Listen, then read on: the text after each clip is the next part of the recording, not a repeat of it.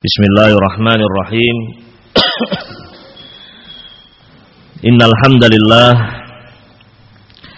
nahmaduhu wa nasta'inuhu wa nastaghfiruh wa na'udzu billahi min shururi anfusina wa min sayyiati a'malina. May yahdihillahu fala mudilla lah wa may yudlil أشهد أن لا إله إلا الله وحده لا شريك له وأشهد أن محمدا عبده ورسوله. يا أيها الذين آمنوا اتقوا الله حق تقاته ولا تموتن إلا وأنتم مسلمون. يا أيها الناس اتقوا ربكم الذي خلقكم من نفس واحدة. وخلق منها زوجها وبث منهما رجالا كثيرا ونساء. واتقوا الله الذي تساءلون به والأرحام إن الله كان عليكم رقيبا. أما بعد. معاشر المسلمين والمسلمات رحمني ورحمكم الله إخوتي وأخواتي في الله أعزني وأعزكم الله. Pada kesempatan hari ini insyaallah taala kita akan melanjutkan pembahasan bab yang keempat dari buku ilmu faraid yaitu bab tentang rukun-rukun, syarat-syarat, sebab-sebab dan penghalang-penghalang waris. Telah kita bahas rukun-rukun waris, demikian pula syarat-syaratnya. Sekarang kita akan masuk kepada pembahasan asbabul miras. Sebab-sebab waris. Nah. Eh, Ma'asyiral muslimin rahiman rahimakumullah.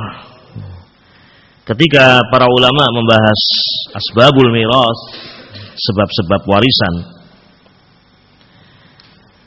mereka menyebut bahwasanya asbabul miras nawa'an.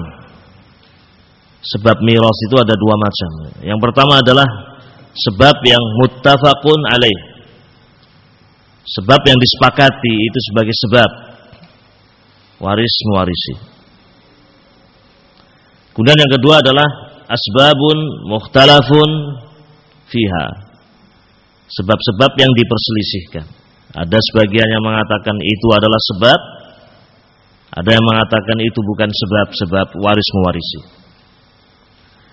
Nah, sehingga kalau kita membaca buku-buku para ulama tentang al-faraid, kita sering kali ya hanya mendapatkan pembahasan ya tentang sebab-sebab yang disepakati.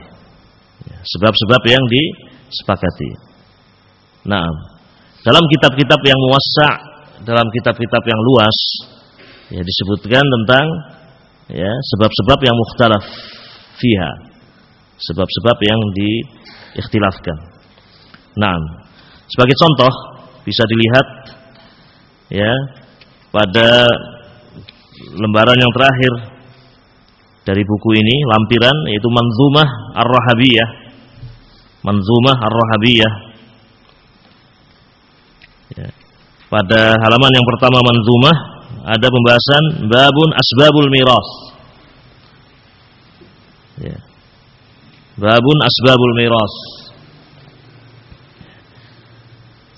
Nah, berkata Ar-Rahabi rahimahullah, berkata Ar-Rahabi ini ada sekitar contoh bahwasanya para ulama ya, taib ketika membahas asbabul miras lebih disebutkan tentang sebab-sebab yang ada muttafaqun alaih.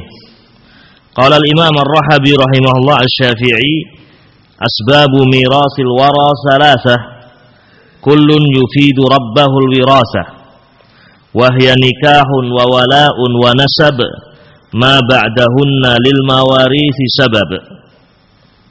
Nah, dalam dua bait ini Ar-Rahabi rahimahullah menyebutkan tiga sebab mada miras yakni sebab yang muttafaqun alaih beliau mengatakan asbabu mirasil wara salasa sebab-sebab ya mirasil wara Al-wara yakni al-insan. Sebab-sebab warisan yang diperoleh oleh seorang.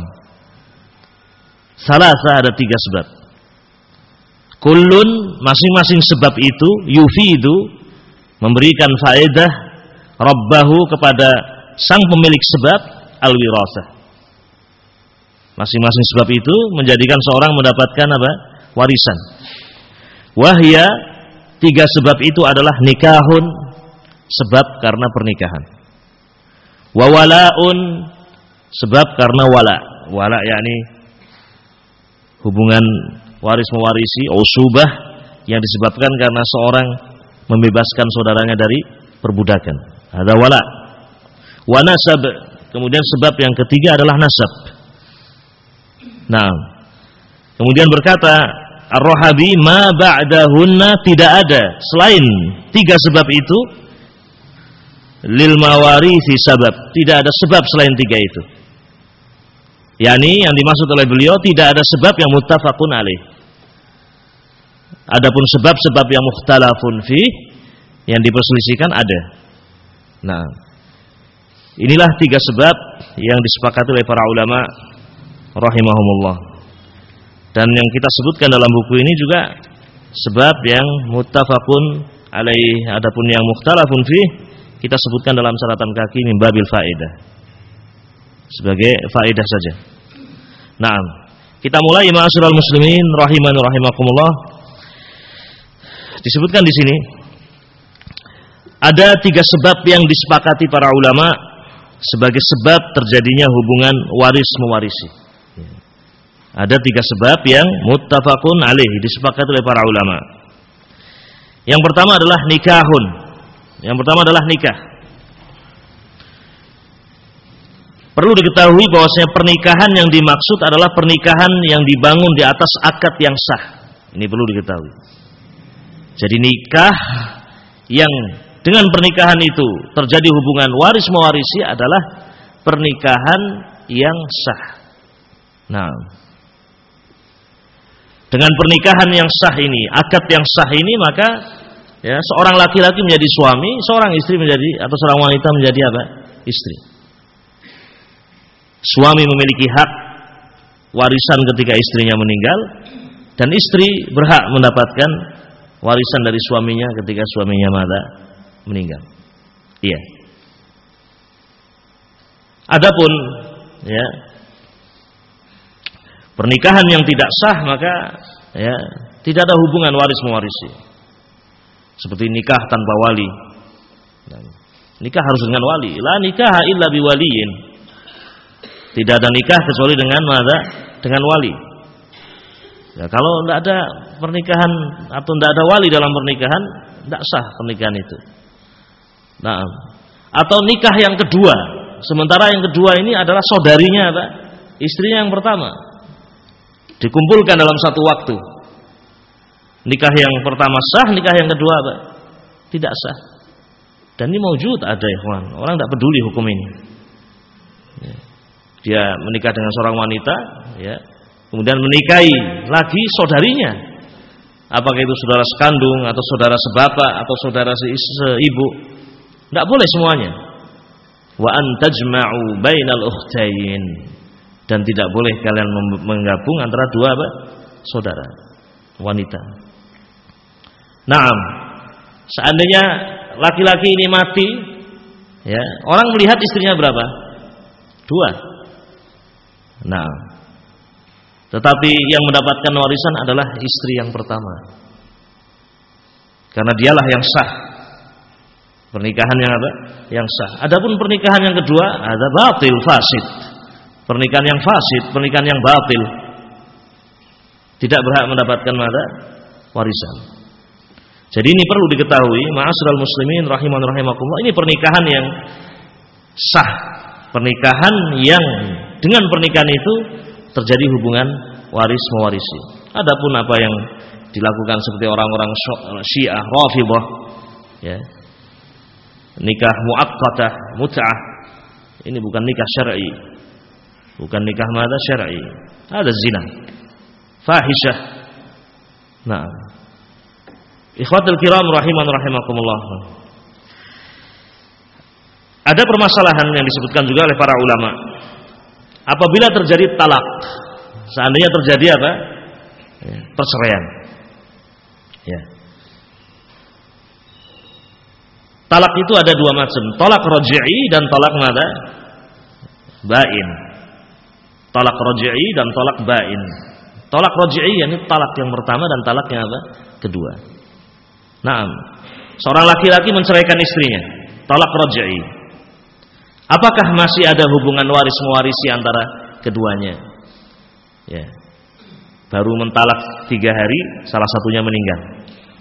Entah istrinya, entah apa? Suaminya. Ya. Nah, mungkin orang melihat dari luar masih suami istri, karena masih tinggal satu apa? Satu rumah. Alaysa. Masih satu rumah. Orang melihat tidak ada masalah. Tapi sekarang bagi sang istri yang kemarin baru saja dicerai, baru tiga hari suami saya mencerai, sekarang mati dia. Atau sebaliknya, ya. seorang laki-laki baru menceraikan istrinya, ya, tiga hari kemudian mati.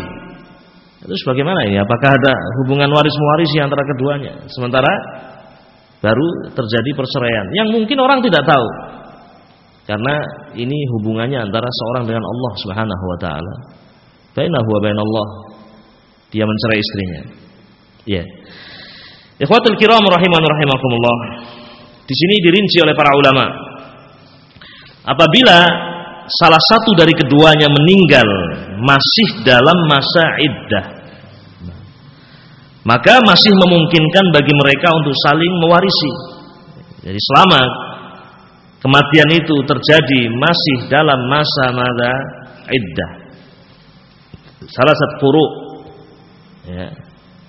Dalam masa iddah maka mereka masih ya waris mewarisi terjadi antara suami dan istri. Kenapa demikian? Karena status keduanya masih teranggap sebagai suami istri. Masih suaminya, masih jadi statusnya masih suami istri. Ya.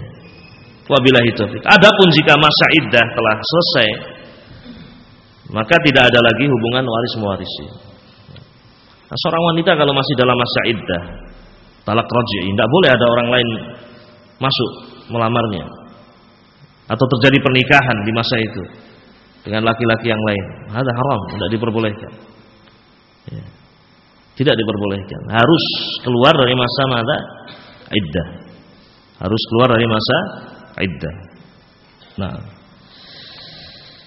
Ma'asyiral muslimin rahiman rahimakumullah. Adapun ketika talak yang terjadi adalah talak bain atau fasah fasah yakni pembatalan nikah maka sudah tidak ada lagi hubungan waris mewarisi. Ya. Nah, tolak bain adalah talak yang ketiga. Fasah adalah pembatalan nikah. Ya. Pembatalan nikah karena ya sebelumnya mungkin tidak tahu suami istri ini adalah saudara sesusuan, misal. Ya, sudah menikah, sudah punya anak. Ya. Tiba-tiba terdapat bukti yang sangat kuat persaksian yang tidak mungkin terelakkan keduanya adalah suami atau keduanya adalah dua orang yang apa memiliki hubungan susuan. Belakangan hari ketahuan. Tidak usah menunggu talak otomatis langsung apa? Bisa fasah fasah adapun anak-anak yang terlahir dari pernikahan itu yang tadinya tidak diketahui maka itu anak-anak sah. Anak keduanya tetap memanggil bapaknya al-ab, tetap memanggil ibunya apa? al-um. Ya. Tetapi keduanya ya menjadi ya, harus terpisah. Ya. Keduanya mahram, ya walaupun sudah bukan suami istri, memang fasah. Dan ini ikhwatil kiram rahiman rahimakumullah pernah terjadi pada zaman Nabi Ali salatu wasallam. Mungkin saja terjadi akad. Yang keduanya adalah saudara sesusuan. Seperti terjadi pada seorang sahabat yang bernama Uqbah Ibnul Haris radhiyallahu taala anhu. Uqbah Ibnul Haris menikahi seorang wanita. Begitu menikah, ya sudah akad, tiba-tiba datang seorang wanita, ajuzah. Seorang wanita yang mengabarkan kepada keduanya, "Inni arba'tukuma." aku telah menyusui kalian berdua. Maka sekarang dihadapkan sebuah permasalahan. Di satu sisi sudah menikah, sisi yang lain sekarang ada berita keduanya adalah saudara apa? Sesuai. Maka sahabat Uqbah ibnu Harith segera mengambil kudanya, mengambil mengambil kendaraannya, dia pacu dengan kencang menuju kota Madinah untuk berjumpa dengan Nabi Ali Wasallam menanyakan kasus yang dihadapinya. Bertanya kepada Nabi Ali Shallallahu Wasallam dia ceritakan ya Rasulullah kada kada demikian. Maka Nabi mengatakan kaifa waqad. Terus bagaimana lagi ya Uqbah? Berita sudah sampai kepadamu. Dia adalah saudara sesusuanmu. Maka otomatis terpisah antara apa? keduanya. Nah. Jadi baik talak bain, talak yang ketiga atau fasah dengan itu tidak ada lagi hubungan apa? waris mewarisi illa fi halatin wahidah kecuali dalam satu keadaan yaitu seandainya seorang suami mencerai istrinya dengan talak bain di saat sakit yang mengkhawatirkan kematiannya. Jadi ada korinah bahwasanya dia mencerai istrinya karena maksud agar istrinya tidak dapat apa? Warisan. Ya. dia sudah sakit parah yang mungkin orang menilai kayaknya sebentar lagi mati. Ya. sudah umur 80 tahun ya. Sakitnya tambah hari tambah parah ya sudah tidak bisa berkata-kata. Tiba-tiba menjelang kematiannya dia mengatakan fulanah istrinya saya cerai. Ya, istrinya saya cerai. Nah, kemudian setelah itu dia meninggal. Nah, di sini padahal itu cerai yang keberapa? Yang ketiga. Kalau cerai pertama kedua tidak ada iskal ini cerai yang terakhir. Talak mada talak bain. Yang ketiga. Nah, di sini ikhwatil kiram rahiman rahimakumullah, jika talak bain tersebut dijatuhkan menjelang kematiannya yang diduga kuat, yakni ada qarinah bertujuan untuk menghalangi istri dari hak warisannya, maka dalam kondisi yang semacam ini istri tetap mendapatkan bagian warisnya menurut pendapat yang paling rojih. Nah, Sebenarnya bukan hanya masalah mada, bukan hanya masalah e, mentalak istri, ya.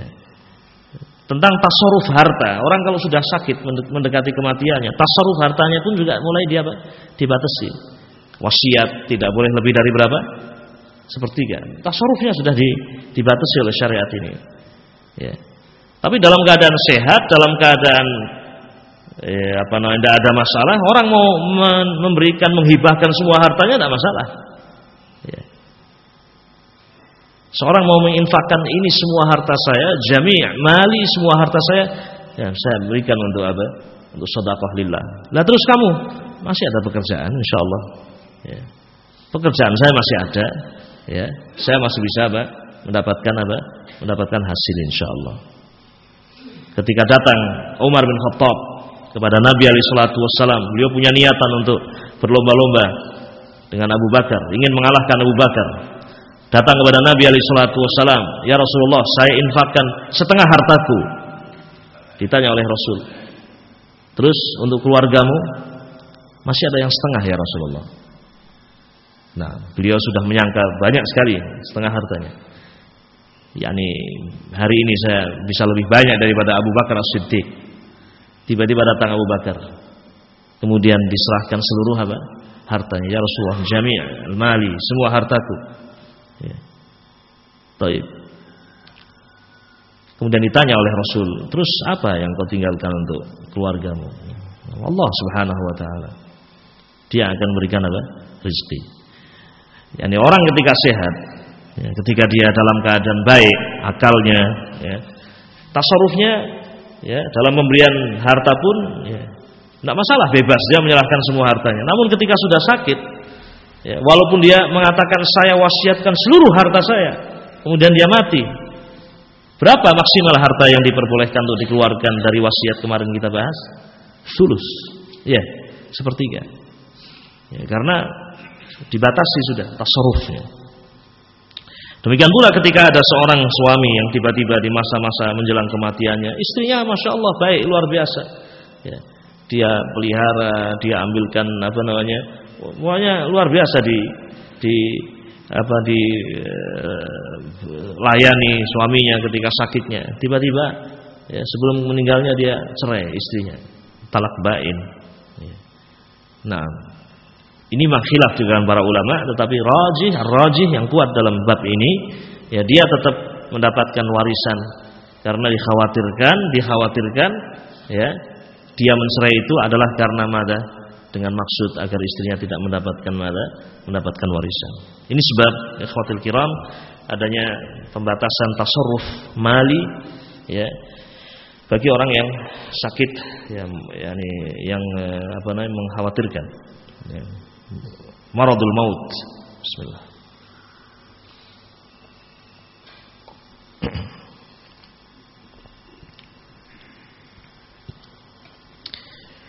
Taib termasuk fasah adalah mula'anah. Dalam catatan kaki saya sebutkan. Mula'anah. Ya, ketika dua orang suami istri saling melaknat. Ya. Saling melaknat. Kalau terjadi mula'anah, maka perpisahan keduanya adalah fasah. Perpisahan keduanya adalah mana? Fasah. Nah, anak yang dilahirkan oleh wanita ini nasabnya tidak dinasabkan kepada ayahnya. Ya, karena fasah karena sang ayah tidak mengakui dia sebagai apa? Anaknya. Bukan bukan anak saya. Nah, terjadi mula'anah di antara keduanya. Nah, ini fasah yang seperti ini ya akibatnya adalah tidak adanya waris mewarisi bainahuma antara keduanya. Bahkan anak yang dilahirkan dari wanita ini tidak mendapatkan warisan dari siapa? Dari ayahnya. Namun dia hanya mendapatkan warisan dari ibunya, dari ibunya. Baik masuk kepada Sebab yang kedua, Ma'asyiral muslimin rahiman rahimakumullah. As-sababu tsani sebab yang kedua adalah nasab. Sebab yang kedua kedua adalah nasab. Dan sebab inilah yang paling banyak. Yani ahli waris yang ada ya yang berhak mendapatkan warisan dari mayit kebanyakannya adalah dari sisi ini, dari sebab ini nasab. Ya. Kalau dengan sebab pernikahan hanya dua saja, suami dan apa? Istri. Itu saja. Kalau dari sebab nasab, yakni semuanya, hampir semuanya. Ya. Anak laki-laki, ya. cucu laki-laki dari anak laki-laki, ya. anak perempuan, ya. cucu perempuan dari anak laki-laki, ini sudah empat. Bapak, kakek, ibu, nenek dari pihak apa? Bapak, nenek dari pihak ibu, nenek dari pihak apa? Bapak. Ini sudah sembilan. Ya. Oh, ya. Belum lagi saudara-saudara mayit, saudara laki-laki sekandung, saudara laki-laki sebapak, saudara laki-laki si ibu, kemudian saudari sekandung, saudari sebapak, saudari si ibu, nah dan seterusnya. Sampai anak-anak mereka, keponakan, kemudian juga paman-paman, saudara-saudaranya bapak, saudara-saudaranya kakek, wa abna'ahum dan anak laki-laki mereka. Ya, ini semuanya adalah ahli waris dengan sebab mana? Nasab. Ahli waris dengan sebab nasab. nah, nasab adalah hubungan kekerabatan, hubungan rahim, hubungan darah antara dua orang. Ya, baik hubungan nasab itu dekat atau jauh. Ya. Nah, ini nasab. Ya. Dan sekali lagi ahli waris itu kebanyakannya adalah mendapatkan warisan dari sisi nasab ini. Wahada min mahasini hadad din. Ini termasuk dari keindahan agama Islam. Dari sisi ya harta itu adalah perkara yang sangat sensitif ikhwatil kiram. Kalau harta itu berpindah kepada orang yang memiliki hubungan nasab, apalagi diurutkan dari sisi kedekatan, ya, maka orang akan merasa apa? Ya, ya riba, rela. Dan orang yang lain juga melihat memaklumi. Seorang mati wajar kalau hartanya berpindah kepada anaknya, ya atau tidak? Wajar. Enak orang itu menerima. Tapi seandainya misalnya orang mati harta diberikan kepada apa? Ya. teman sejawatnya. Wah, anaknya tidak dapat. Kira-kira apa yang terjadi? Ya. ya. Diberikan pada kerabatnya. Yang paling dekat anaknya, ya, putrinya, bapaknya, ibunya. Ya. Walillahilhamd. Ya. Dan tidak semua kerabat ini kemudian langsung dapat, tidak. Tidak semua orang yang memiliki hubungan nasab mendapatkan hak, tidak. Ada yang paling dekat, ada yang jauh, yang jauh ini mungkin terhalangi oleh yang dekat. Ya.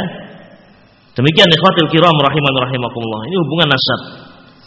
Dan ahli waris yang berhak mendapatkan warisan dengan sebab nasab secara global terbagi menjadi tiga golongan. Ya, meliputi tiga golongan kekerabatan. Yang pertama adalah usul. Yang pertama adalah usul. Apa yang dimaksud dengan usul? Usul ini asal usul mayit, asal usul mayit. Ya. Saya mati ya, atau antum mati, kita hidup di dunia mesti ada asal usul kita. Yang tidak lain adalah bapak kita dan ibu kita.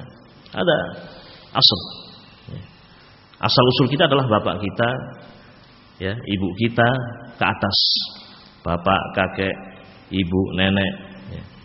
Nah, ada sebagian orang yang Taib, orang yang hidup itu mesti punya usul, ya atau tidak? Ya. Tapi tidak mesti punya apa? Furu. Furu, furu itu keturunan. Hmm. Taib. Hanya saja tadi sudah kita bahas. Ya. Nah, ada orang yang tidak punya usul, sebagian usul secara syar'i. Ya. Tidak punya bapak.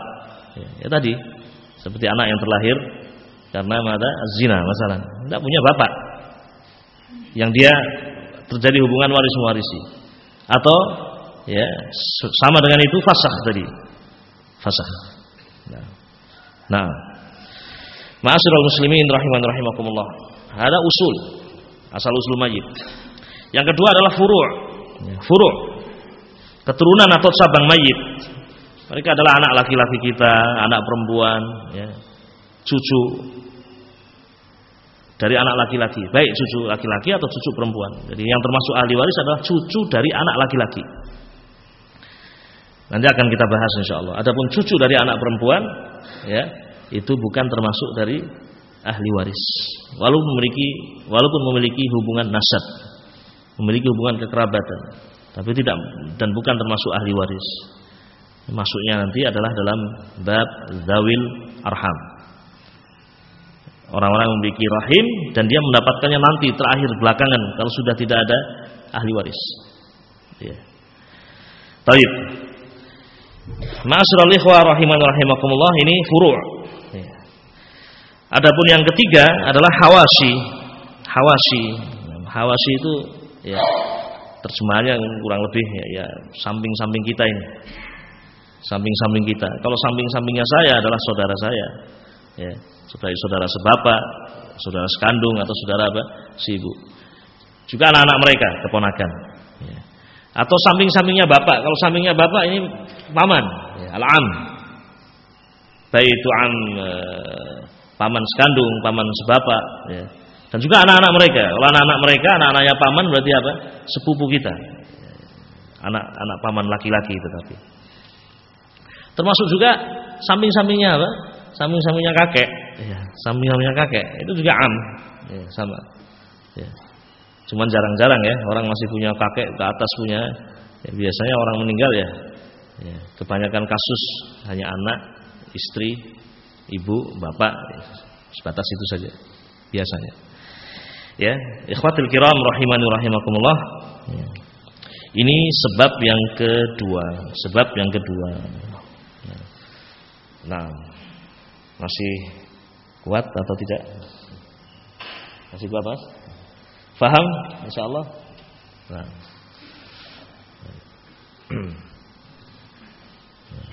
Ini kalau diiringi lari pagi, masya Allah ya. ya. Kuat. E, masuk pada sebab yang ketiga. Sebab yang ketiga, sababu asalis. Sebab yang ketiga adalah al-wala. Al-wala. Nah, wala. Al-wala adalah al-usubah sababuhu al-itq. Nah, al-wala adalah al-usubah. Usubah ini seorang mendapatkan warisan dengan cara asobah. Sababuhu sebabnya adalah al-itq. Sebabnya adalah seorang membebaskan saudaranya dari perbudakan. Sekali lagi ini wala. Wala adalah hubungan karena seseorang membebaskan saudaranya dari perbudakan. Abu Bakar As-Siddiq radhiyallahu taala anhu membeli Bilal bin Rabah ketika itu. Kemudian Bilal dibebaskan oleh Abu Bakar. Antahur lillah. Engkau merdeka wahai Bilal. Maka dengan dimerdekakannya Bilal oleh siapa? Abu Bakar As-Siddiq terjadilah hubungan antara keduanya. Namanya apa? Wala. Sehingga dikatakan Abu Bakar maulanya siapa? Bilal. Bisa dikatakan juga sebaliknya. Bilal adalah maulanya Abu Bakar. Sama-sama dikatakan maula. Jadi bisa dikatakan Abu Bakar maula Bilal atau Bilal maula Abi Bakar. Hanya saja Abu Bakar adalah maula dari atas yang membebaskan. Adapun Bilal adalah maula dari bawah yang dibebaskan. Nah, taib. Eh, kalau kita baca tarojum ya, tarojum eh, apa namanya rijal biasanya kalau dia maula dikatakan min mawali bani fulan maula fulan maula fulan. Nah, taib. Wabillahi taufiq. Eh, tapi di sini harus diperhatikan juga. Terkadang ada wala tetapi wala Islam. Wala Islam. Itu juga disebut maula. Bukan karena dia budak kemudian dibebaskan tidak. Namun karena dia tadinya kafir, kemudian didakwai oleh seseorang, kemudian masuk Islam dengan sebab itu. Ini juga ya kita dapatkan di dalam tarajum rijal dikatakan maula fulan. Seperti Al-Bukhari rahimahullah. Al-Bukhari nama beliau adalah Muhammad ibn Ismail ibn Ibrahim ibn Al-Mughirah Al-Ju'fi maulahum. Al-Ju'fi maulahum. Jadi maula Ju'fi. Bukan karena dulu eh, apa namanya bapaknya atau kakeknya Bukhari ini budak kemudian dibebaskan tidak. Namun karena tadinya ya mereka kakek-kakeknya Bukhari dulunya kafir ya.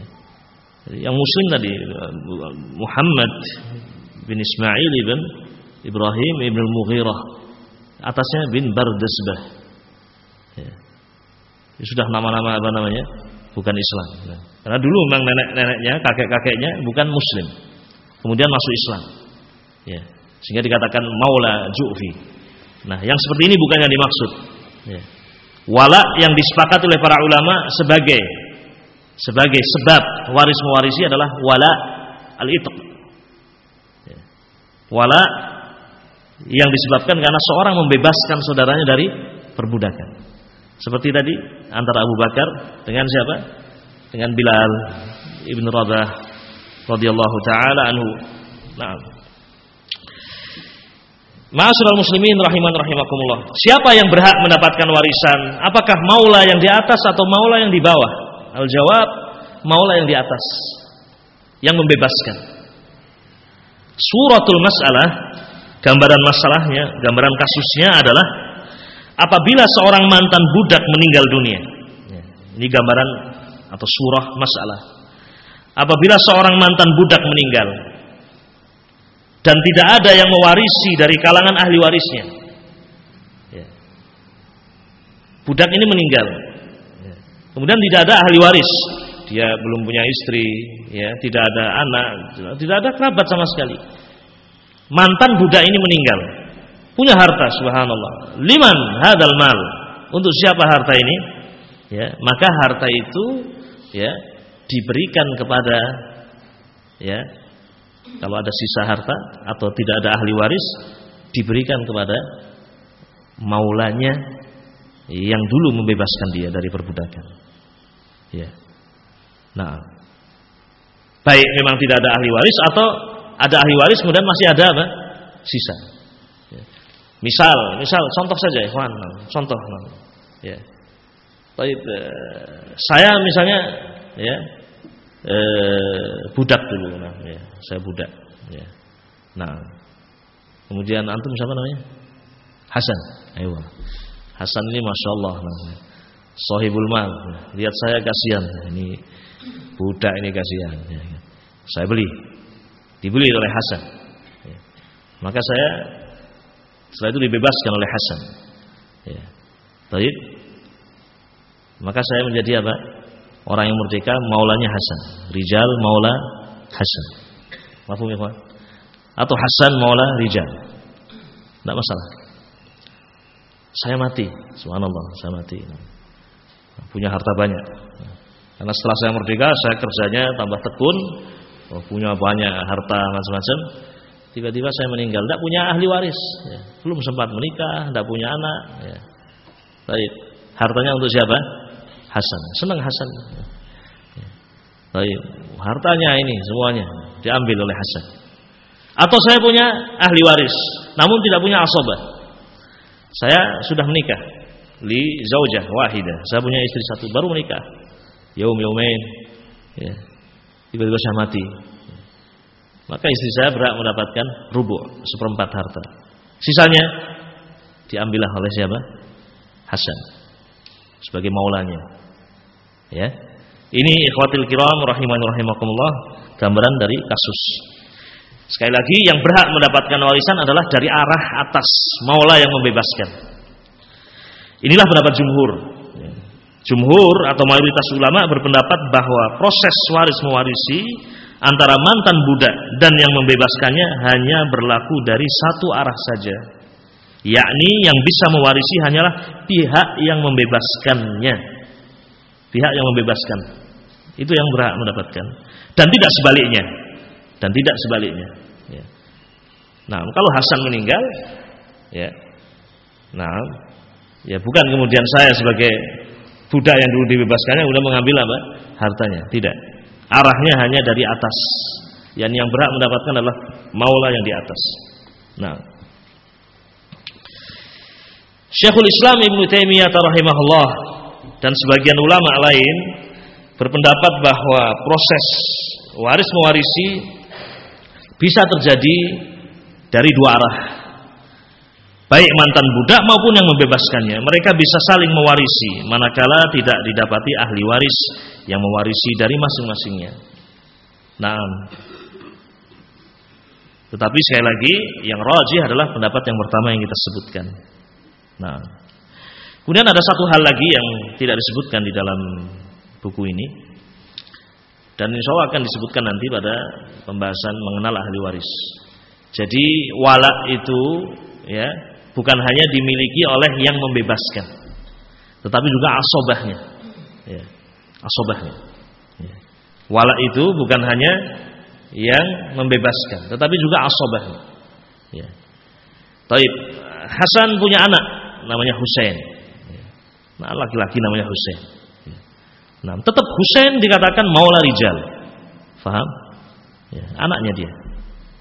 Atau punya bapak. Ya. Bapaknya Mas Hasan misalnya Ali. Ya. Ali. Juga maulanya orang-orang yang dulu dibebaskan oleh siapa? Oleh Hasan. Yang membebaskan Hasan tetapi wala itu ya untuk Hasan dan juga untuk apa?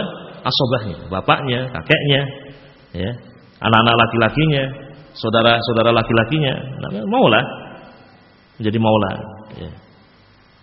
nah dan ini juga ikhwatul kiram di antara perkara yang Islam ya eh, tampak keindahannya ya, tentang permasalahan perbudakan ya, sekarang ini orang subhanallah berusaha untuk menjelekkan Islam ya. Taib. namun membalikkan fakta Islam itu agama yang mengajarkan perbudakan. Ya, zalim Islam itu. Ya, ada. Coba antum perhatikan. Ya. Sebelum Rasul diutus, perbudakan sudah ada atau belum ada sebelumnya? Sudah ada. Perbudakan yang bagaimana yang terjadi di masa jahiliyah? Perbudakan yang penuh kezaliman, perbudakan yang luar biasa jeleknya. Datang Islam. Islam datang. Ya. Islam datang mengatur itu semuanya. Bagaimana ya Islam mewasiatkan agar seorang tuan baik kepada apa? Budaknya. Nah, as-salatu as-salat wa ma malakat aymanukum. Jagalah salat kalian. Jagalah salat kalian dan berbuat baiklah kepada ya, apa yang kalian miliki dari budak. Nah, jadi terkadang sampai orang tidak tahu mana yang budak, mana yang tuan.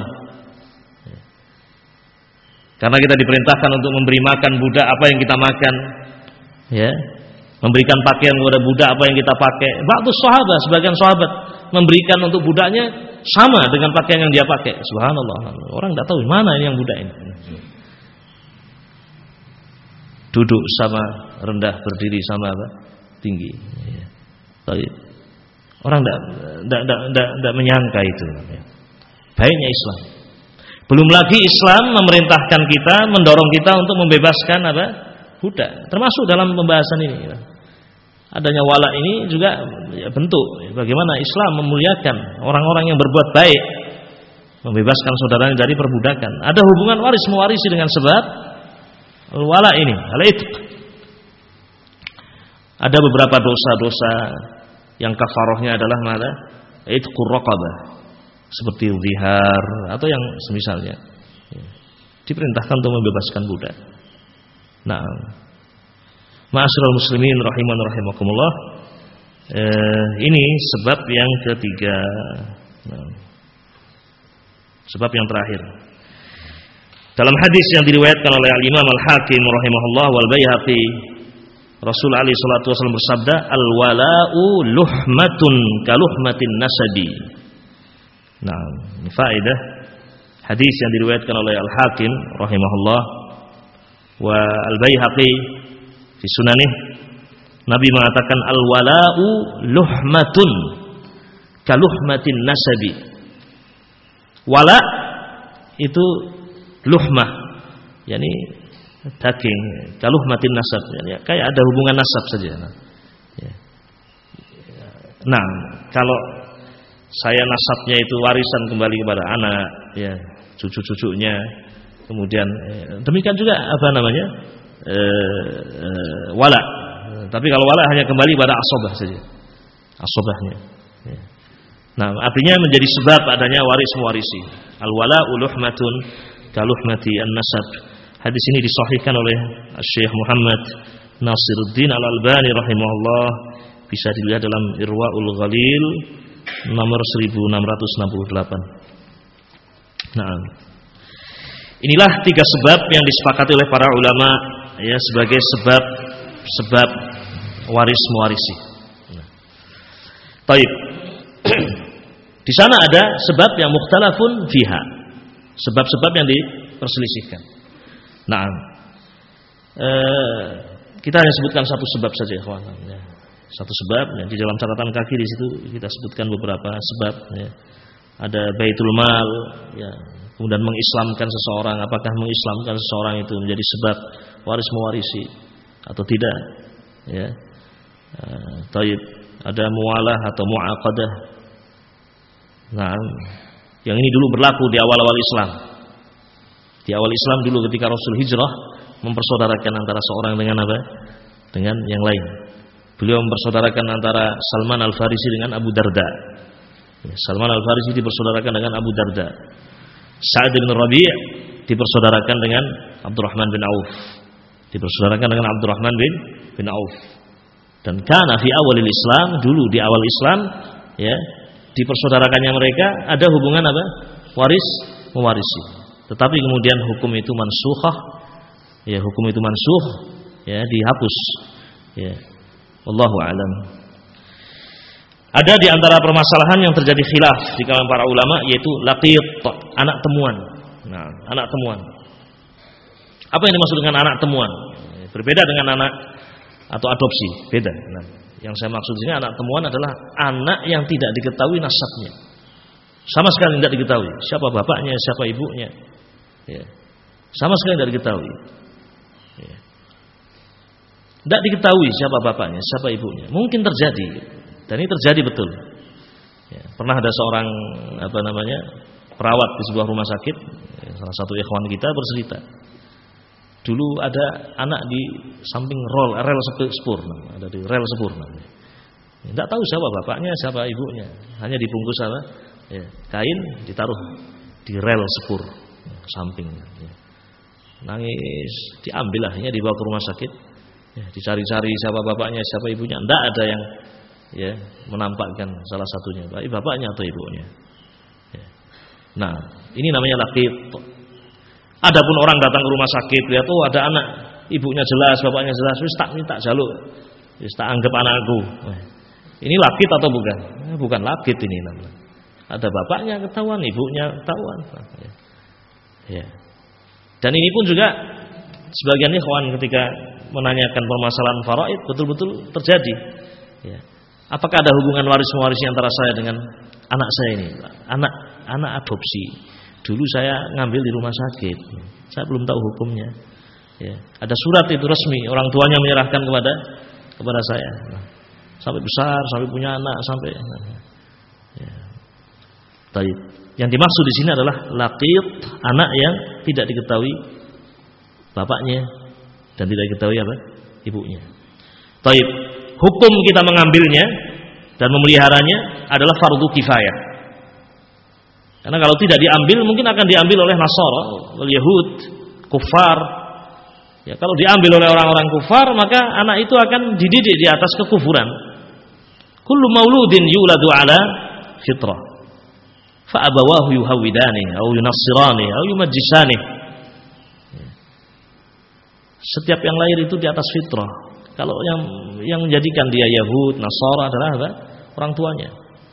Maka kewajiban atas kaum muslimin fard kifayah ketika ada apa?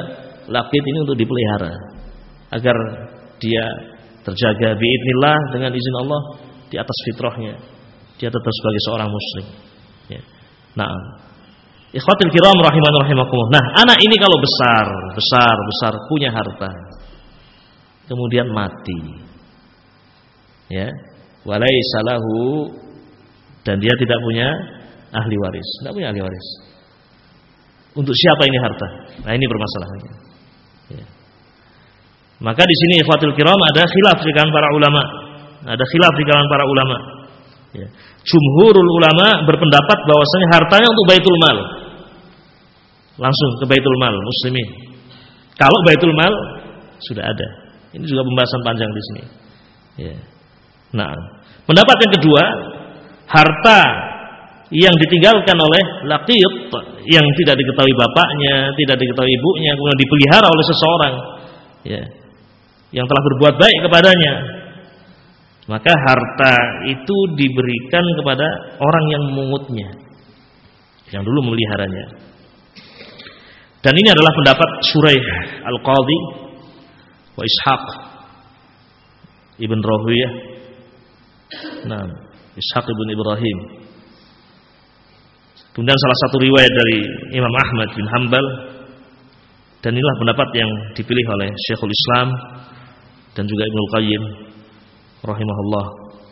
Dan ini yang rajih insyaallah taala berdasarkan hadis. Ada hadis yang menunjukkan atas hal tersebut wa hasanahu Asy-Syaikh Al-Albani rahimahullah. Nah, ala kulli hal ini masalah khilafiyah ya. Adapun yang disepakati oleh para ulama sebagai sebab-sebab waris ada berapa? Ada berapa akhi? Ada berapa? Sebab yang disepakati? Tiga. Sampingnya ada berapa mas? Ini saudara antum bilang tiga. Ya, mungkin ada call yang lain. Berapa? Tiga. Apa saja yang satu? Nikah kedua. Nasab yang ketiga. Wala. Ini tiga yang muttafaqun alih. Adapun yang lainnya, ya apakah itu baitul mal atau muwala atau muaqadah atau walaul Islam atau al-laqiyuk ini masalah yang para ulama berselisih di dalamnya. Nah, wallahu taala alam. Alhamdulillah selesai ikhwatil kiram pembahasan tentang ya sebab-sebab waris. Selesai pembahasan tentang sebab-sebab waris. Adapun yang terakhir dari pembahasan bab yang keempat ini adalah mawani' al-irs Penghalang-penghalang apa? Warisan. Penghalang-penghalang warisan. Taib. Kalau rukun-rukun sudah terpenuhi, syarat-syarat sudah terpenuhi dan tampak ada sebab-sebab waris mewarisi, ini semua sudah terpenuhi. Ya. Masih tersisa satu masalah yang harus dipastikan untuk terwujudnya waris mewarisi, yaitu apakah ada penghalang penghalang yang menghalangi seseorang dari ahli dari warisan atau tidak ada apa? penghalang. Pembahasan ini namanya mawani al-irs. Mawani al-irs. Nah, dan ini pembahasan yang penting ikhwatil kiram. Ya. Sedikit berpindah mimbabil faedah tentang pembahasan takfir, ya. mengkafirkan seseorang dan menghukuminya keluar dari apa? Islam. Ya. Karena tasarru' karena seorang melampaui batas tergesa-gesa, demikian mudahnya menghukumi seorang apa? kafir. Bahkan lebih parahnya bukan hanya menghukumi satu dua orang, menghukumi sebuah negeri, penguasanya sekalian dikafirkan, presidennya, menterinya, ya, polisinya, tentaranya, nah, dikafirkan. Subhanallah. Taib. Orang-orang seperti ini, fatil kiram rahiman rahimakumullah adalah orang-orang yang melampaui batas. Ya. Dan di antara sebabnya adalah al-jahl, kejahilan. Ya. Urusan menghukumi seorang itu kafir ya harus terpenuhi padanya syarat surut dan harus ya tidak ada dan betul-betul dipastikan tidak ada apa mawani penghalang-penghalang yang menghalangi seorang dihukumi apa kafir baru kemudian terwujud hukum baru kemudian terwujud hukum ya Nah, bisa jadi seorang melakukan sebuah perkara kekafiran. Tetapi syariat tidak menghukuminya kafir. Kenapa? Karena ada mawani. Ada penghalang.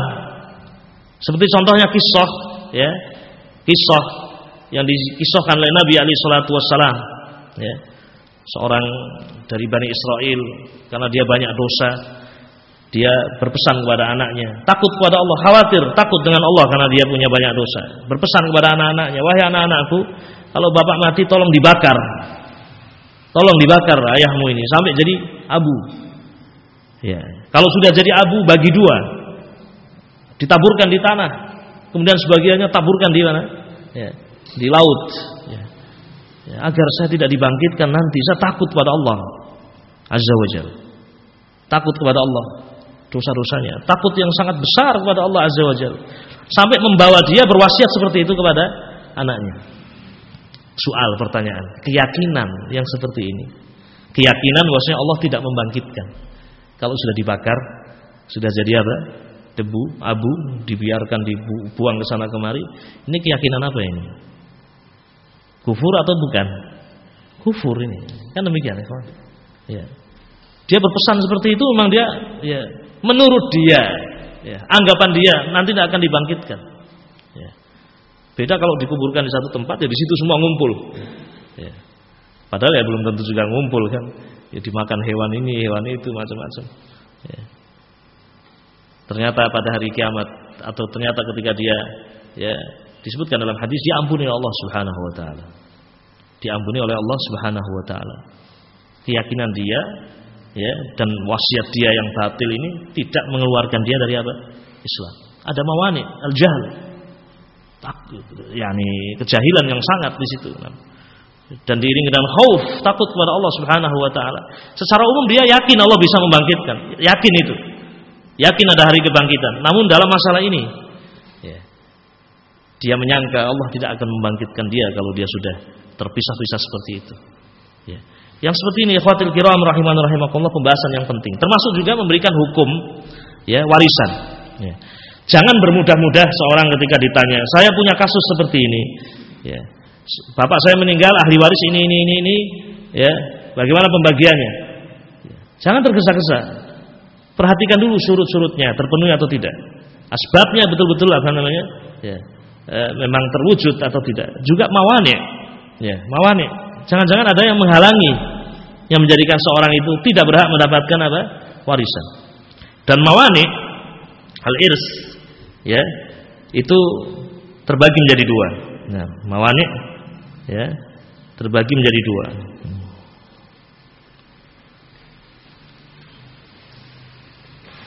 Bisa jadi penghalang waris bisa berupa sifat yang ada pada ahli waris. Jadi bisa jadi penghalang itu adalah sifat. Sifat yang qaimah yang ada pada orang tadi. Tidak ada kaitannya dengan orang lain. Memang ada pada dirinya. Ya. Seperti seorang kafir. Dia kafir. Ini kan sifat yang ada pada dirinya. Kekafiran itu menghalangi dia dari apa? Warisan. Ini sifat. Qaimah fi hada atau fi hada syakhs. Sifat yang ada padanya. Atau penghalang berikutnya adalah ahli waris lain. Penghalang berikutnya adalah ahli waris lain yang menghalangi. Ya. Ada ahli waris yang menghalangi. yakni ahli waris yang lebih kuat hubungannya, lebih dekat kekerabatan dengan apa? mayit. Seperti misalnya ya, seorang bapak menghalangi kakek. Ya. Kalau ada bapak, kakek tidak mungkin dapat. Kalau ada anak laki-laki, cucu-cucu tidak mungkin apa? Dapat. Walaupun cucunya banyak. Ya. Ya. Cucunya berapa? Cucunya 30. Ya. Anaknya satu laki-laki. Ya. Siapa yang dapat? Ya. Anak laki-laki ini. Walaupun cucunya lebih apa? Lebih banyak. Nah, ya mungkin ada kasus seperti itu. Nah, cucunya banyak, anaknya ya satu laki-laki, maka dia mengambil semua harta. Adapun cucu tidak mendapatkan. Yakni anak laki-laki ini menghalangi semua cucu dari warisan. Nah, walaupun cucu termasuk ahli waris. Ya. Ini ma'asyiral muslimin rahiman rahimakumullah ya. Tapi di situ ada ya gambar sebagai penjelas bahwa penghalang warisan itu ada dua. Yang pertama penghalang berupa sifat yang ada pada ahli waris. Yang kedua adalah penghalang berupa ahli waris lain. Ya, penghalang berupa ahli waris lain. Dan yang kita bahas pada bab ini, pada bab yang keempat adalah jenis penghalang yang pertama. Penghalang berupa sifat yang ada pada ahli waris. Ini yang kita bahas. Adapun yang kedua, yaitu penghalang berupa ahli waris lain, nanti ada pembahasannya ya pada babul hajib, pada babul hajib ya. Pada babul hajib Nah, yaitu bab yang ke-9. Antum bisa lihat pada halaman 70. Ya. Halaman 70 ada pembahasan hajib. Ya, hajib. Nah, yang kemudian eh, kita sebutkan di situ tabel, ya, tabel pada halaman 71, 72, 73. Di situ ada tabel, ada ahli waris yang terhalangi dan ada ahli waris yang menghalangi. Contoh misalnya kakek nomor satu ya, kakek siapa yang menghalangi kakek? Ayah. Nah, yang menghalangi cuma ayah saja, yang lain tidak bisa menghalangi. Ya. Cucu laki-laki, siapa yang menghalanginya? Nah, itu disebutkan di situ. Nah, ya. Siapa saja yang menghalangi? Ya. Nah, kembali pada pembahasan halaman 30. Nah, jadi yang kita bahas di sini penghalang warisan ya, adalah penghalang berupa sifat. Penghalang warisan berupa sifat.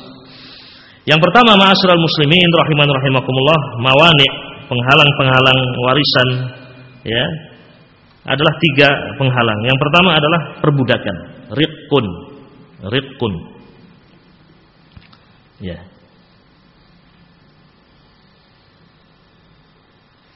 Nah, status budak itu menghalangi seorang dari warisan. Ya. Seorang kalau budak dia tidak mungkin mendapatkan warisan. Nah, dia punya anak laki-laki misalnya. Ya. Selama dia jadi budak dia punya istri budak juga. Kemudian punya apa? Anak ya laki-laki. Ternyata anak laki-lakinya ini kemudian dibebaskan oleh siapa? Tuannya. Jadilah anaknya merdeka. Sementara bapak ibunya masih masih budak. Mafhum ikhwan ya? Ya. Masih budak. Anak ini kaya, jadi orang kaya, kemudian dia meninggal. Ya, punya istri, punya anak. Ya, kalau dilihat secara nasab, dia punya bapak dan punya apa? Ibu. Tapi bapak ibunya masih masih budak. Perbudakan itu menghalangi seorang dari mendapatkan warisan. Kenapa demikian? Ya, alasannya karena seorang budak hartanya adalah milik tuannya. Ya. Budak dan harta yang dimiliki adalah milik siapa? Tuannya. Nah, kalau kemudian dikasih warisan dari anaknya yang sudah merdeka itu dikasihkan ke bapaknya, dikasihkan ke ibunya, langsung berpindah kepada siapa? Tuannya. Ya, sama saja enggak enggak sampai ya. Karena harta itu ya, ketika diberikan kepada seorang budak, ya menjadi punya apa? Tuannya. Ya, menjadi punya tuannya. Ya. Baik, dalilnya adalah hadis ikhwatul kiram tidak saya sebutkan di situ. Hadis yang diriwayatkan Imam Muslim rahimahullah. Sebutkan sebagaimana ditunjukkan dalam hadis sahih. Hadis yang dimaksud adalah hadis yang diriwayatkan oleh Imam Muslim rahimahullah wa Al-Bukhari kadzalik. An Ibni Umar dari sahabat Ibnu Umar. Anna Nabi sallallahu alaihi wasallam qaal Nabi sallallahu alaihi wasallam bersabda, "Man ba'a 'abdan. Lahu malun, man ba'a 'abdan. Lahu malun" Barang siapa yang menjual budak yang budak itu memiliki harta, lahu malun famaluhu lil bai' maka harta yang dimiliki oleh budak yang dijual itu adalah lil bai' untuk sang penjual. yakni tuan yang pertama, ya. Illa an yashtarital mubta' kecuali sang pembeli sudah memberikan syarat sebelumnya. Ya. Nah, saya punya budak misalnya. Subhanallah budak ini ternyata menyimpan duit banyak. Selama dia menjadi budak saya, dia punya ya pekerjaan yang tidak diketahui oleh tuannya. Ya. Sampai dia bisa menyimpan uang di dalam pundi-pundi yang disimpan di kamarnya. Hasil dia bekerja dan seterusnya. Nah. Kemudian ada seorang datang ya membeli budak ini atau saya menjual. Ini saya jual budak saya. Ya. Setelah dibeli, akad sudah sempurna, ya, budak ini berpindah dari rumah saya ke rumah tuan berikutnya. Sebelum keluar dia bongkar ini apa namanya? Ya, kamarnya, oh, ternyata dia bawa pundi-pundi. Ada dinar, dirham, ya. Ditanya, "Mau ke mana?" Nah, "Itu apa? Barang siapa?" Oh, "Ini punya saya." Ya. Lu dari mana? Ya selama saya menjadi apa? Budak Anda saya bekerja ini hasilnya. Nah, nah harta itu punya siapa? Mesti terjadi khilaf antara apa? Ya, penjual dan pembeli. Ya. Si pembeli maunya, ya itu punya saya namanya. Itu sudah jadi budak saya, ya hartanya harta saya. Nah, di sini diputuskan oleh Nabi Ali Shallallahu Wasallam. Man ba'a 'abdan lahu mal, famaluhu lil bai'. Ya. Barang siapa yang menjual budak, yang ternyata budak itu punya apa? Harta, maka pada asalnya harta itu adalah milik al-bai' milik al-ba'i' yang menjual. Tuan yang pertama, illa an yastarita al-mubta'. Kecuali sejak awal ya, sang pembeli sudah memberikan apa? syarat. Saya beli budak Anda dan harta yang dia miliki untuk saya juga. Lah bahasa masalah. Harta yang ada di sakunya, di orang kadang berpikir seperti itu namanya. Ala kulihal, ini sebab yang pertama al-afwan mani yang pertama penghalang yang pertama yang menjadikan seorang tidak mendapatkan warisan ketika dia adalah seorang budak al-mani asani penghalang yang kedua adalah pembunuhan qatlun al-qatl al-qatl nah.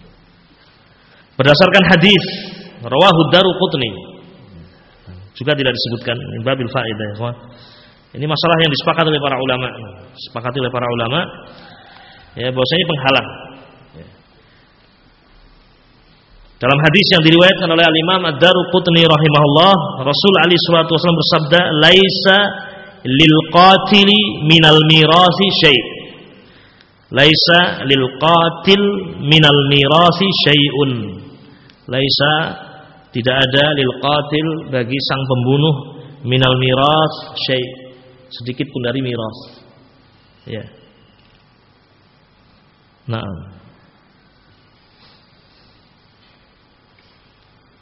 Nasallallahu alaihi Ternyata betul-betul terjadi apa yang dikatakan oleh Nabi alaihi salatu wasallam. La taqumus tidak akan terjadi hari kiamat hatta yaqtulur rajulu akhah.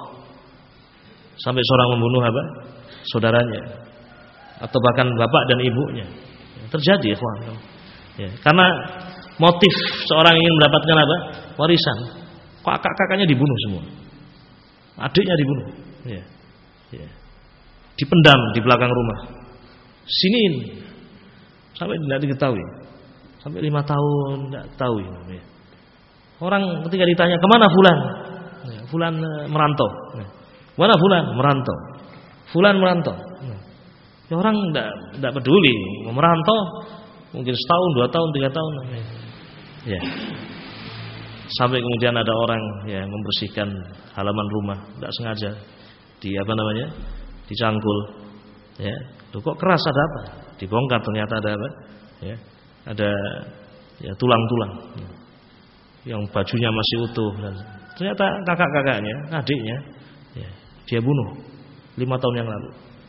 Di ajli mata, di ajli mal. Saudara Rasul alaihi salatu wasallam. Rasul alaihi salatu wasallam mengatakan tidak akan terjadi kiamat sampai hatta yaqtulur rajulu mada akhah. Hmm. Orang tidak terfikir. Ya, li azlil mal. Ya, karena harta. Ya.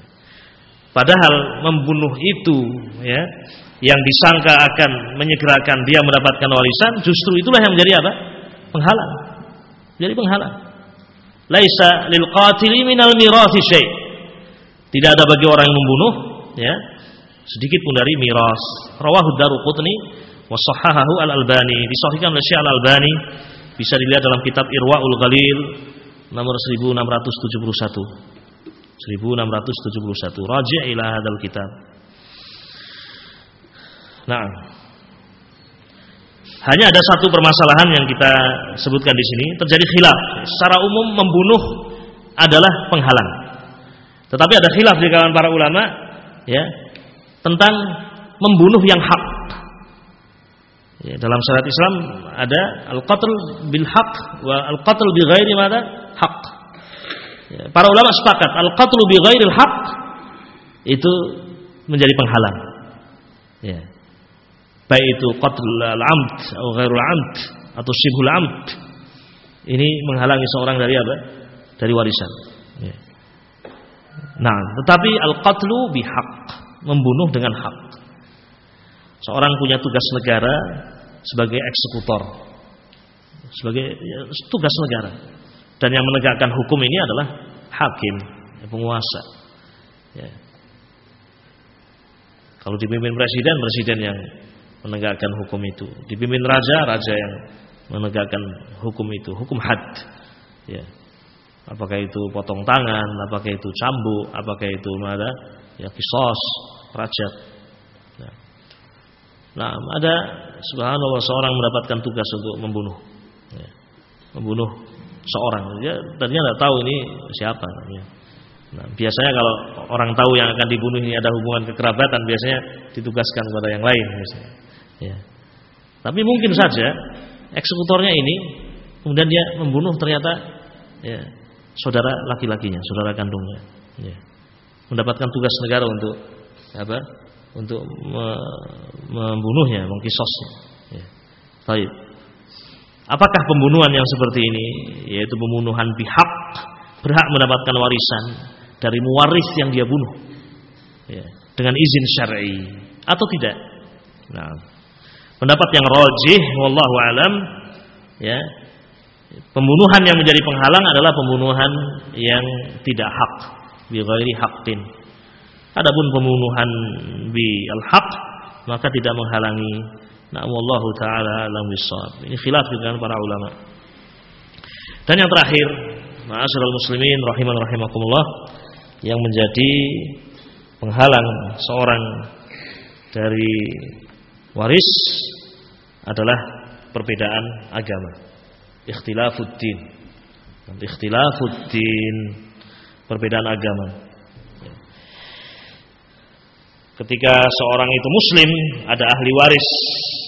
Ya, baik secara nasab atau secara nikah, ya. Ahli waris yang tadi kafir, maka berlaku hadis Nabi alaihi salatu wasallam la yarithul muslimul kafir walal kafirul muslim La yarisul muslimul kafir. Seorang muslim tidak ya mewarisi hartanya kafir walal kafiru al muslima dan orang yang kafir tidak mewarisi hartanya muslim. Nah, jadi hadis ini dalil bahwasanya perbedaan agama itu menjadi penghalang seorang mendapatkan warisan. Ya. Berdasarkan hadis di atas sebagai contoh, apabila ada seorang suami yang meninggal dengan dua istri. Istri yang pertama muslimah dan istri yang kedua kitabiyah.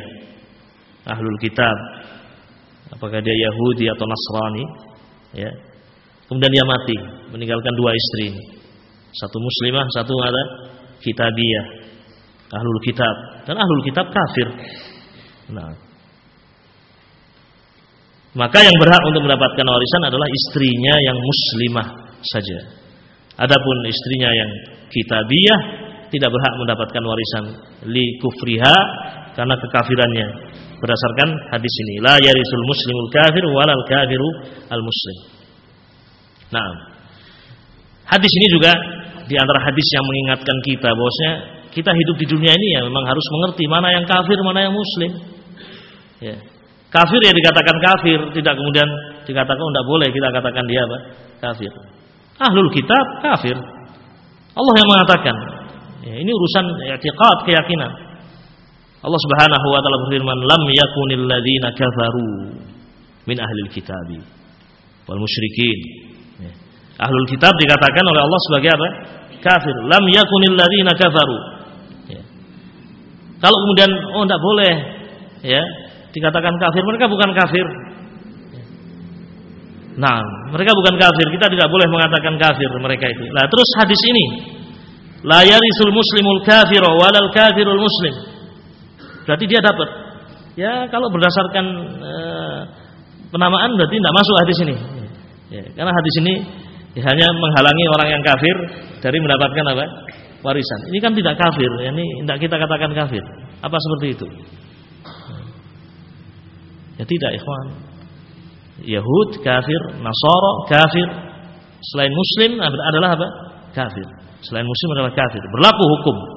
Berlaku hukum-hukum yang Islam membedakan antara ya muslim dan kafir. Wabillahi taufiq. Saya tutup ikhwatul kiram dengan faedah pada halaman 33 ya. Pada catatan kaki. Ya. Faedah halaman 33 dalam catatan kaki. Bismillah.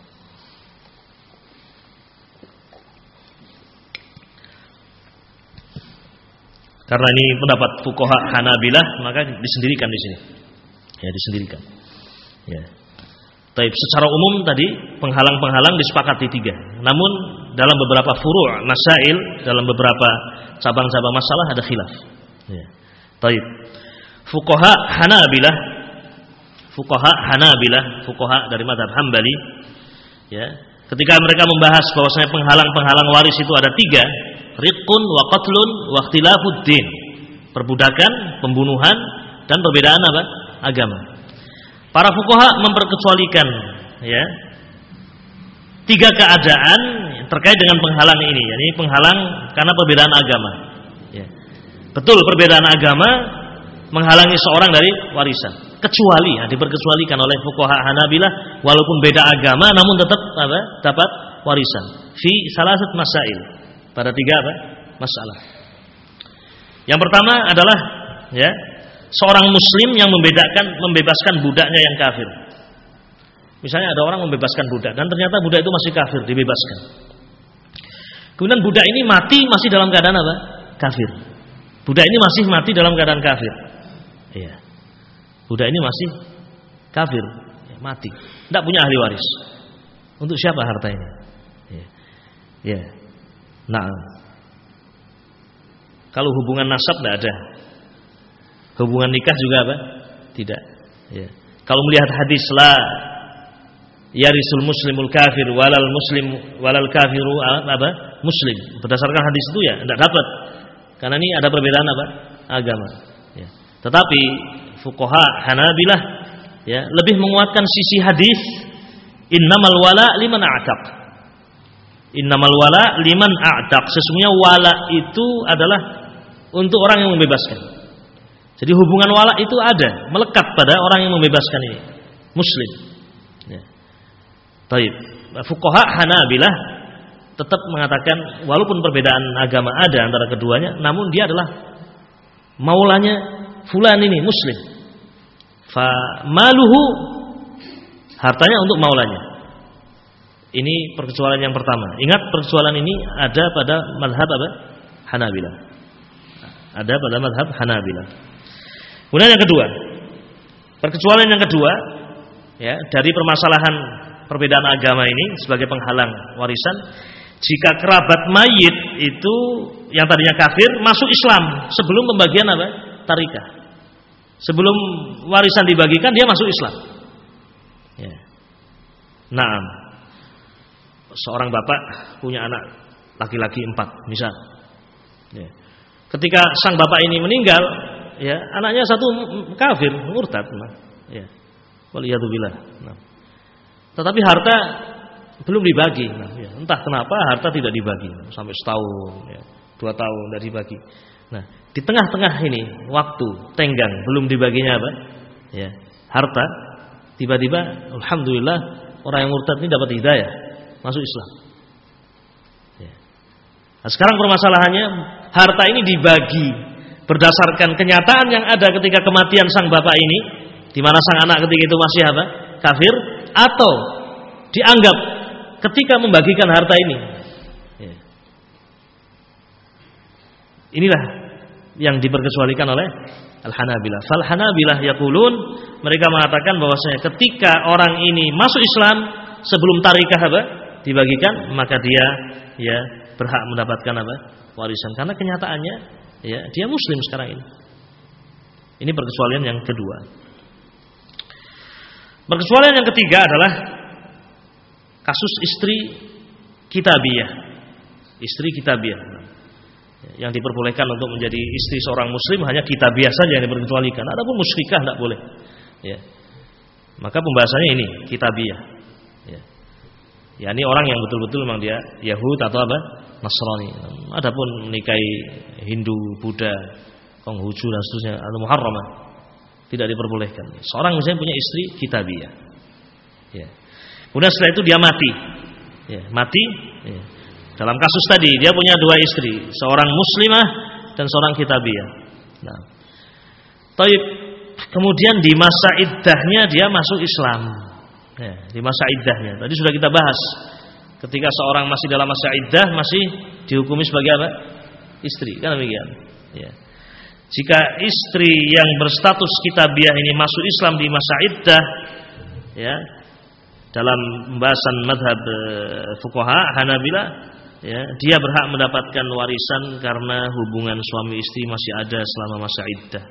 Ya, sebagaimana dia masuk Islam di masa sebelum kematiannya, dia masih istri. Maka dia mendapatkan mada, mendapatkan warisan jika dia masuk Islam ya selama masa iddah. Wallahu taala alam bisawab. Ini akhir dari pembahasan mawani al-irs Ya, adapun pembahasan penghalang warisan berupa ahli waris akan dibahas pada bab tersendiri pada bab yang ke-9 babul hajab. Dan itu mungkin juga kita bahas secara ringkas karena sudah tertulis. Nah, dan insyaallah nanti kita mulai masuk pada bab yang kelima yaitu mengenal ahli waris. Siapakah ahli waris yang mereka berhak mendapatkan warisan. Wabillahi taufik. Wassallallahu wasallam ala Muhammadin wa ala alihi wa sahbihi ajma'in. Subhanakallahumma wa bihamdika asyhadu an la ilaha illa anta astaghfiruka wa atubu ilaik. Assalamualaikum warahmatullahi wabarakatuh.